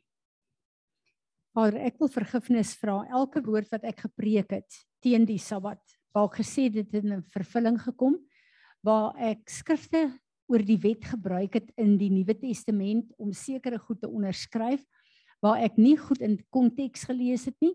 Ek wil vandag kom vergifnis vra daarvoor en ek wil vra Here, kom leer U ons en help U ons om as remnant terug te keer na die reëls en U woord uh, wat U vir ons daar stel. Ons wil U dien en eer volgens wat U woord sê, nie volgens ons tradisie of ons geleerde uh, godsdienstige rituele nie.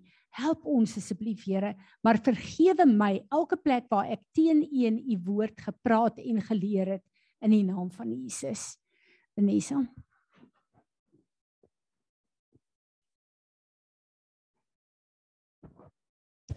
Ek het eendag gelees in 'n boek en um, dit sluit nou aan by Belinda wat sê God kom af en hy kom tussen ons.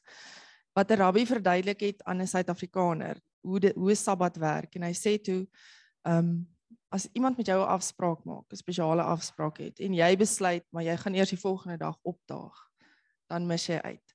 So ek dink ons mis baie uit. Sjoe, ja, dis nogal wonderlik. Dis 'n afspraak wat God sê ek wil graag 'n tyd met jou spandeer en is hy belangrik genoeg dat ons hom gaan ontmoet nog iemand Mariet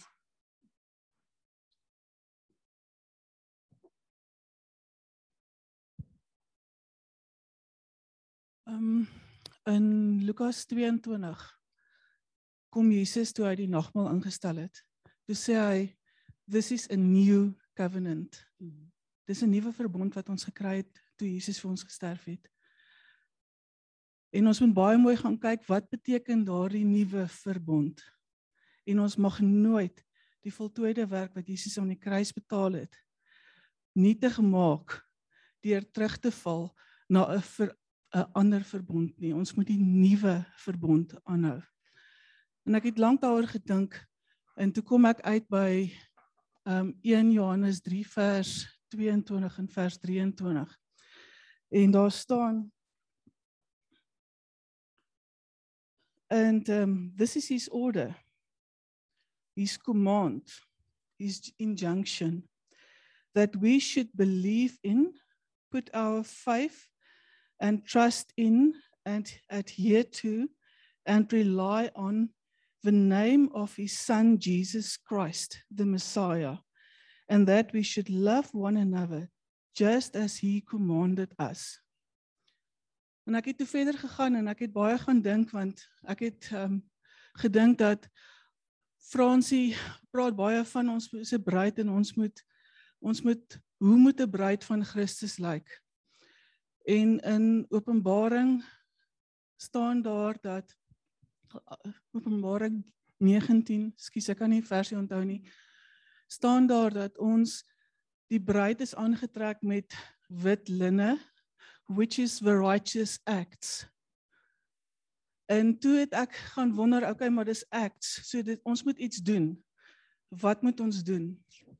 En in Johannes 6 Ehm um, dit was vir my nogal baie interessant geweest is waar Jesus die brood vermeerder het en die visse vermeerder het.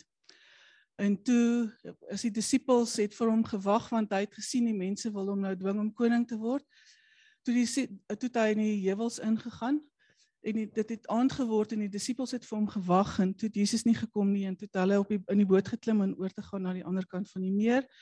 En julle weet ons nou toe die storm en alles. Maar twee dinge het vir my uitgestaan. Toe Jesus by hulle aankom, sê die woord, hulle was onmiddellik aan die ander kant. En die volgende dag, toe kom die mense na hom toe en toe was hulle verbaas oor hoekom Jesus daar. En toe vra hulle vir hom, maar jy doen al hierdie wondere en al hierdie wonderlike tekens, wat moet ons doen? En as julle my kans gee, gaan ek gou die versie opsoek. Ek kan dit nie onthou nie. Ons wag vir jou.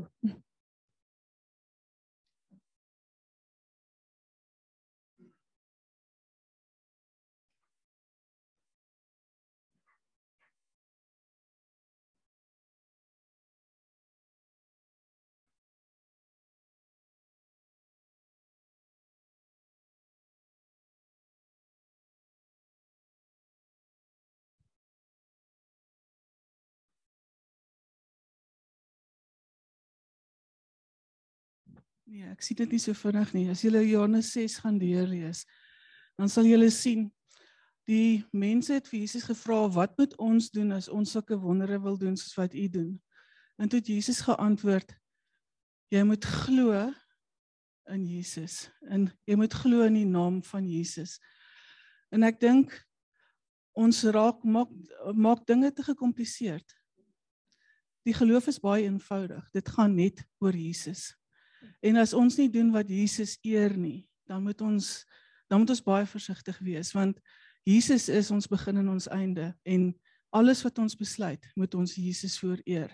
En ons moet baie versigtig wees dat ons nie uit ons eie werke uit Jesus wil eer nie want dis nie waarvoor Jesus gesterf het nie.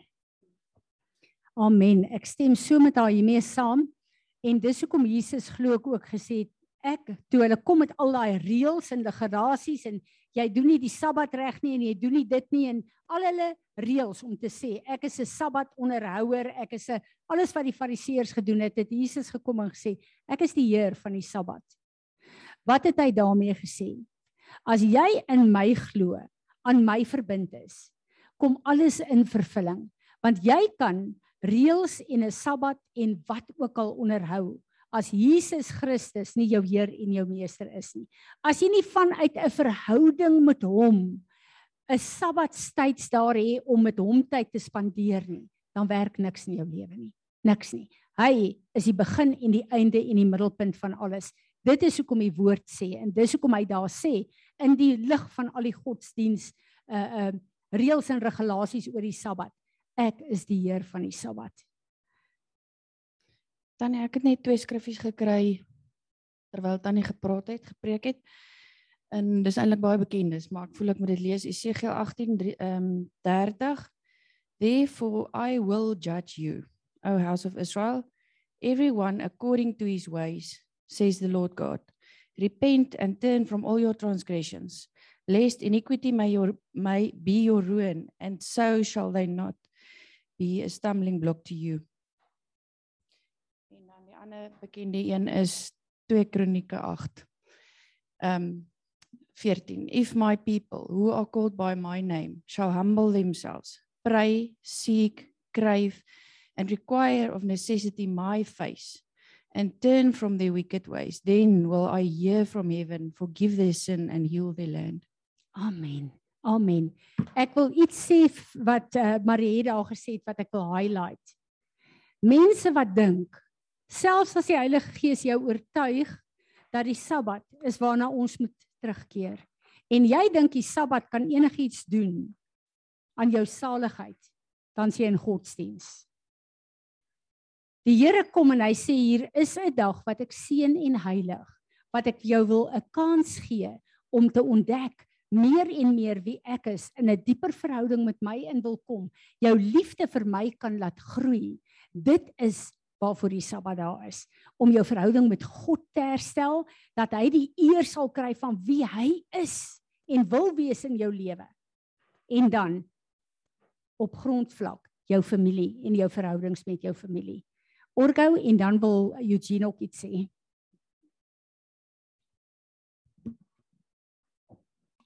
Dan ek net hierdie wat my opkom vir julle lees. Ehm um, en dan wil ek net sê dit voel vir my soos mense met elke dag jou verhouding met die Here heilig maak. Dit moet nie net 'n weeklikse ding wees nie. Of 'n instelling wat net byvoorbeeld op 'n Sondag is nie. Dit voel net vir my dit voel vir my mens ehm um, se hele lewe of jou hele week en daar soos bepaal deur hoe baie tyd jy saam Here spandeer. Want daaraan daai tyd wat hy vir jou gee openbaar hy vir jou waarmee jy moet besig wees en wat jy nie moet doen nie. En dan in die vers, ehm um, staan in Openbaring 2 vers uh, 2 tot 5. I know what you have done, how hard you have worked and how you have endured. I also know that you cannot tolerate wicked people. You have tested those who call themselves apostles but are not apostles.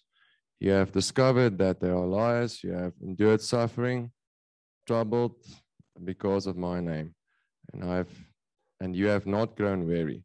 However, I have this against you that you love that the love you have had first is gone. Remember how far you have fallen. Return to me and change the way you think and act and do what you first did. I will come to you and I will take your lampstand from its place if you don't change. Dit wat Orko hier sê, as jy dink die Sabbatdag is die enigste dag wat jy 'n verhouding met die Here kan hê, dan mis jy dit heeltemal. 24 uur 'n dag is hy Heer en Meester van jou lewe en moet jou lewe aan hom verbind wees en jou verhouding aan hom verbind wees. Hierdie gaan oor 'n fisiese tyd wat die Here wil sê, nou kom julle weg van julle elke dag se besige programme. Ek stel 'n dag daar in 'n besige program vir jou om te sê hier is 'n spesiale tyd waar jy in my uh, teenwoordigheid kan inkom. Elke dag van ons lewe is ons in God se teenwoordigheid as sy kinders. Elke dag van die week, elke minuut van die week is ons verbind aan hom en behoort ons in 'n verhouding met hom te wees. Dis hoekom Paulus sê, bid gedurig deur. Wat dink julle beteken dit? Dit beteken vanoggend se opstaan, praat ek met hom. Elke ding wat met my gebeur, praat ek met hom. As ek my vir Johan vererg en ek sê, Here, hier het ek my nou al weer vir hom vererg. Help my asseblief hier. Help my dat ek nie my wil doen nie. Help my dat ek u wil doen. As ek 'n kwessie hier het voorspar, as ek 'n ding jou verhouding met die Here is 24 uur 'n dag, elke dag van die week. Julle hoor wat ek sê. God het die Sabbat vir die mens gegee, nie vir hom nie. Dit gaan oor ons programme en om 'n dag op 'n week wat God sê, hier is 'n dag wat ek vir julle sê. Ek wil nie hê julle moet werk of hierdie goeders doen nie, want terwyl julle werk en rondhardloop, het julle nie die gefokusde tyd met my wat ek bedoel het julle moet hê nie. Hoor julle wat die woord sê? So, dis baie belangrik om te weet dat 'n Sabbat is nie die enigste dag nie. Dis 'n hoogtepunt wat God vir ons as mens gee. Maar ons verhouding met God is 24 ure 'n dag in daai intieme verhouding. Sharon. Um ek ek het uh, ek is besig om 'n prophetic summit te kyk van Perry Stone wat um van verlede jaar en een van die sprekers het vertel um dat hy Midde-Ooste toe gegaan het na die mense wat so vervolg word en hy um sê hoe hy sy hele preek voorberei het van hy wil vir hulle vertel sê net maar wat is die manier van Amerika hoe hulle aanbid en wat is God se prentjie. En soos wat hy um dit vertel, sê die um die translator, hy gaan dit nie eers translate nie, want die mense uh, is uh, um lewe volgens God se prentjie. Um hulle is so um afhanklik van Heilige Gees en dat hulle letterlik, hulle word so vervolg dat hulle letterlik soos almal op hulle eie gaan bid en dan is dit soos almal kom op dieselfde tyd op dieselfde plek bymekaar. Um so stap hulle 'n pad met die Here en nou nou toe sê tannie Belinda dat um op die feeste kom die Here af en op 'n Sondag is een van God se feeste. En toe dink ek net um ons moet ons lampie so vol kry vir die week dat ons op daai plek kom om nie op enige ander prentjie te worship of God aanbid nie, maar God se destiny en prentjie dat ons nie moet vergelyk met met 'n ander tradisie of sulke goed nie. Marine kyk net daar of daar op die internet van die ouens is wat handjies opgesteek het om te praat Eugene. Goed, nou Eugene, kan ons hoor wat het jy en sê? Ehm um, hierdie is ons 'n ongelooflike belangrike belangrike besluit en ons sal dit met reg neem. Ehm um, dit het Daar's twee dinge wat baie relevant is hierso. Dis eerste plek die ou verbond en dan die nuwe verbond. Ons moet mooi gaan kyk wat was die ou verbond gewees? Ons moet mooi gaan kyk wat is die nuwe verbond. Ons moet baie goed gaan kyk ehm um, wat het die nuwe verbond met die wet gedoen en wat het die nuwe verbond met dade gedoen. Ek is dit heeltemal eens met met 'n dag afsonder in die week wat 'n mens moet aan die Here wy. Hoe ons by daai punt uitkom is ongelooflik belangrik die die nuwe verbond is 'n nuwe verbond. Dis nie 'n bevestiging van die ou verbond nie. Dis nie 'n hernuwing van die ou verbond nie. Dis 'n heeltemal 'n nuwe verbond. Die twee verbonde staan in teenstand met mekaar. In die nuwe verbond het Jesus gekom en ek is nou nie vandag voorberei om vir julle te vertel oor nuwe en ou verbonde nie. Maar indien ons enigiets doen om die nuwe verbond te verwerp in die sin dat ons terugkeer na dade toe of onsself weer onder die wet plaas, is dit ongelooflik gevaarlik want dan verwerp ons nuwe verbond. Wanneer ons nuwe verbond verwerp, verwerp ons Jesus en dis wanneer ons saligheid begin in in die moeilikheid kom. So dat daar wel 'n dag moet wees wat ons afsonder vir die Here is is is is is maar heeltemal reg. Hoe ons daarby uitkom is ongelooflik belangrik. Wanneer ons teruggaan na die wet toe, wat sê jy moet dit, moet dat, moet dat, is ons terug onder die wet. En ehm um, dis nie die nuwe verbond nie. In die nuwe verbond is die wet op ons harte geskryf. Ons doen dit nie omdat dit vir ons gesê word ons moet dit doen nie. Ons doen dit omdat ons dit wil doen deur die Heilige Gees. Sodra ons terugkeer na Ou Testamentiese beginsels van jy moet dit of jy moet dat wat wat dade is en wat en en en wat weer onder die wet is, dan begin ons ons ons saligheid in in in in gevaar stel. So gaan doen vir jouself huiswerk, gaan lees beslis oor wat was die ou wat, wat wat was die ou verbond verstaan dit? Wat is die nuwe verbond en verstaan dit? Verstaan wat het die nuwe verbond gekanselleer uit die wet uit en uit dade uit? en as jy by daai punt uitkom, dan gaan jy by 'n goeie antwoord uitkom rondom hierdie hierdie hele vraagstuk van ons. En moet dit nie ligtig opneem nie gaan kyk baie mooi daarna. Eugene het vir sopas my volgende week se se lering gegee. Dankie Eugene. Ek het met daai kwessie lank gespartel totdat die Here vir my gewys het daar is nie twee verbonde nie. Daar's een verbond en ons gaan uit die skrif uit dit kyk. Jesus het gekom en gesê hy het nie die wet en die profete laat wegval nie. Hy het dit kom verbeter. Maar ons gaan kyk Ou Testament en Nuwe Testament wat hy bedoel het. Want ons moet een ding weet, die woord sê die Here ons God kan nooit verander nie. Hy is die Alfa en die Omega en alles tussenin. En ek het daai kwessie wat Eugene aanraak het vir my 'n lang tyd vasgevat tot ek 'n studie gemaak het van die woord en die Here vir my uit die woord uit gewys het presies hoe dit lyk. So in hierdie plek, dis een van die plekke waar ek luister na mentors, maar ek wil hê die woord van die Here moet elke een van ons lei, want ons het die Heilige Gees van God in ons harte. En ek wil hê ons moet na die woord kyk. En die woord moet ons hier antwoord. So Eugene, ek wil daai kwessie laat ons dit aanvat spesifiek. Ek het daai selfde ding as jy gehad, was lank daardeur vasgevang tot ek besef het daar's nie twee verbonde nie. Ons gaan daaroor praat en ons gaan uit die woord uit kyk daarna. OK. Hierdie goed wil ek gevra hê. Ek wil hê alle onsekerheid, ons moet op die einde van die dag op 'n plek kom waar ons voel en sê dis wat die Here sê. En Jesus Christus, ons Heer en Meester, is in alles vir ons as die Nuwe Testamentiese kerk die belangrikste want hy het ons hy is ons bruidegom.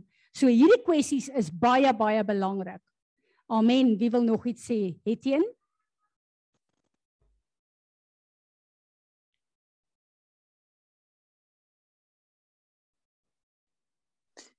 Etienne? Dankie Frans, ek het net gewag om unmute te raak. Baie dankie vir jou lering vandag. Ek stem met jou so 100% saam en ek ook met Helene wat sê dit is al jare lank dat ons geweet het wat is die regte ding en al, dit net onderdruk het baie keer. Maar dit lei die hele tyd bring die Here dit altyd weer terug in 'n ou se lewe en sê maar wat daarvan? En ek is so bly oor vandag wat ons hierdie ding kan bespreek want jy weet dit kom ook uiteindelik iemand het ook aangehaal van in Jakobus 4 uh, vers 17 so so any person who knows what is the right to do but does not do it to him it is sin en wanneer ons tot die waarheid gekom het en weet wat die regte ding is sal dit as sonde toegereken word as ons nie daaraan gehoor gee nie. Nou wil ek ook aansluit by by Helene en dan ook Izet. Ehm um, dit is waar dat 'n mens uh soos wat jy aangaan en dan oorgaan na die Sabbat toe baie struikelblokke in jou lewe gaan kry en mense afronteer en so. Ek ken die kinders wat in 'n as sewendaagse adventiste jong mense in die land is en wat se kinders in die skool is en dan wil ek net sê uiteindelik het daai kinders net vriende wat soos hulle voel en dink en die Sabbat onderhou wat waarskynlik presies die regte ding is om te doen. Die kinders in die skool staan net op en sê wel hulle kan nie Saterdag nie en want hulle is sewendaagse adventiste. En soos hy sê sê in hierdie land met sy uh, konstitusie kan ons het ons vryheid. As die moslems dan Vrydag tussen 12 en 1 afvat en ons almal erken hulle daarvoor, kan ons gerus regtig as Christene wat die Sabbat eerbiedig en heilig opstaan en ons geloof so bely. Goed, dankie. Ek, ek dink ek gaan enige een wat nog ietsie wil sê. Fanny, kom.